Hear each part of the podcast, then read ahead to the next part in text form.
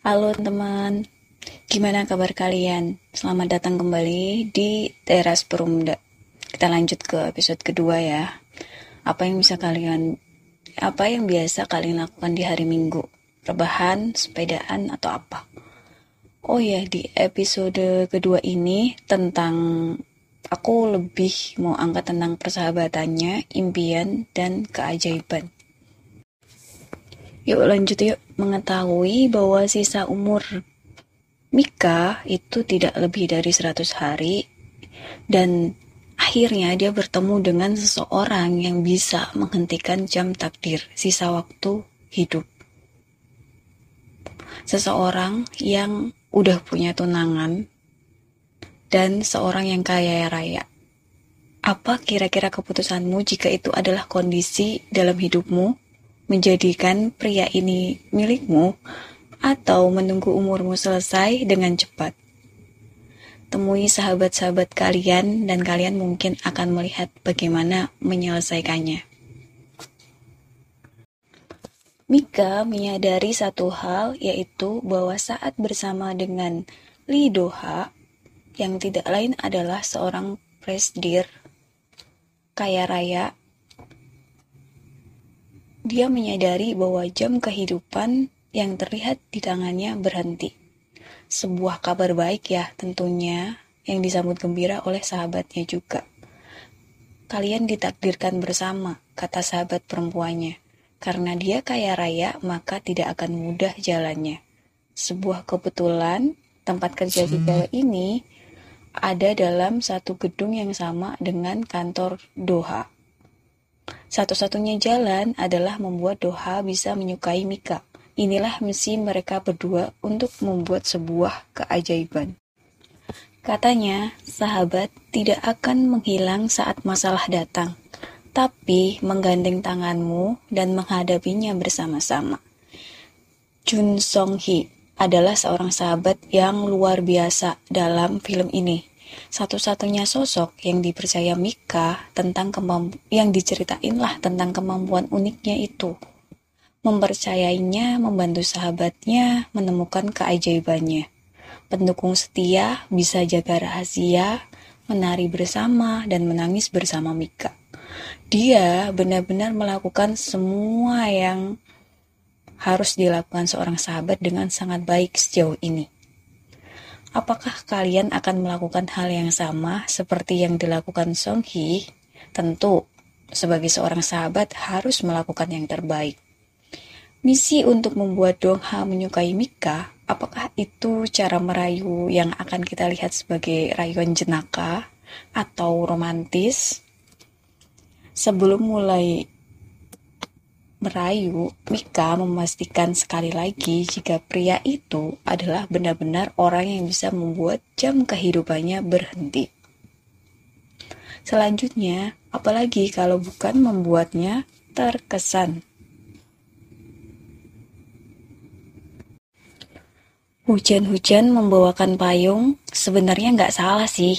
Ini adalah salah satu bahasa cinta yang diwujudkan dalam bentuk tindakan alias perhatian. Tapi teman-teman, sesuatu yang baik juga harus diletakkan pada tempatnya. Muncul tiba-tiba setiap saat dengan perhatian-perhatian, biarkan itu terjadi dalam drama. Apakah kalian juga ingin menerunya di dunia nyata? Lebih baik dua kali dipikir lagi dan menganalisis situasi agar tidak mendapatkan respon seperti Mika hmm, langsung ditolak ketika mengungkapkan perasaan. Setelah mengalami penolakan-penolakan dari Lidoha dan peran drama musikal yang tidak kunjung tiba di mana itu adalah impian terbesarnya sebelum meninggal, kesempatan besar pun akhirnya datang. Sebuah pertunjukan akan digelar. Kebetulan itu akan melibatkan perusahaan Doha satu dayung di mana dia harus mendapatkan peran utama untuk meraih impiannya dan selangkah lebih dekat dengan keajaibannya, Lidoha. Di mana pun dia berlatih, bernyanyi untuk audisi, aku akan mendapatkan Lidoha dan bisa tampil di panggung. itulah yang diucapkannya sambil berlatih. Kata-kata adalah doa. Keajaiban itu sungguh ada dan aku percaya. Keajaiban itu perlu banget diusahakan. Dan punya sahabat yang selalu mendukungmu itu juga bagian dari keajaiban. Hadiah berharga untuk hidup yang singkat ini. Untuk kalian yang sedang mengejar impian, mengharapkan datangnya sebuah keajaiban, percayalah, kalian tidak sendirian. Aku pun punya, orang orang lain juga punya. Kita kerja keras yuk. Yakin ucapan dan lakukan hal-hal yang mendekatkanmu dengan impian. Nanti pasti akan sampai tujuan juga. Rebahannya jangan lama-lama. Satu lagi tentang membuat seorang menyukai kita. Apakah yang dilakukan Mika salah saat mendekati Doha? Setelah aku mendengar dialog yang akan aku bacakan di bawah ini, jawabanku adalah tidak. Hanya kurang mungkin satu hal ini tuh adalah percakapan antara Mika dan Bu Oh. Karakter Bu Oh akan kita bahas di episode-episode selanjutnya ya, karena masih dia akan muncul, masih akan muncul. Bu Oh, aku sangat membutuhkan seseorang, tapi dia membenci dan menghindariku. Apa yang harus aku lakukan? Kamu harus merayunya. Aku sudah berusaha menyelamatkannya, menari dan tersenyum, tapi dia tidak menyukaiku. Menari dan tersenyum bukanlah rayuan, itu hanya upaya absurd. Hmm, upaya absurd, teman-teman. Apa yang harus kita lakukan saat merayu orang? Ketulusan.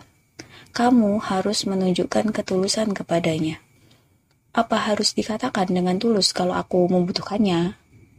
Ketulusan tidak disampaikan dengan bicara bahwa itu tulus. Alih-alih dengan kata-kata, kamu harus menunjukkan ketulusan dengan segenap hatimu.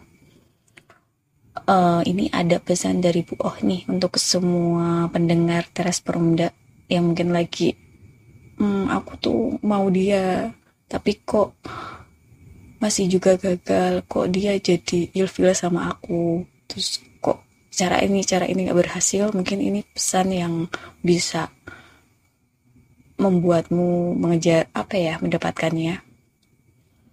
Cobalah dengan segenap hatimu. Jika masih gagal apa boleh buat? Itulah yang paling penting ketulusan. Kita harus berusaha agar tidak menyelesainya menyesalinya. Sorry belibet Hmm, menarik sih. Sudahkah kalian melengkapi usaha-usaha mendapatkan si dia dengan ketulusan? Kalau belum, selamat mencoba. Sehat-sehat selalu ya teman-teman. Sampai jumpa di episode 3 selanjutnya. Bye-bye.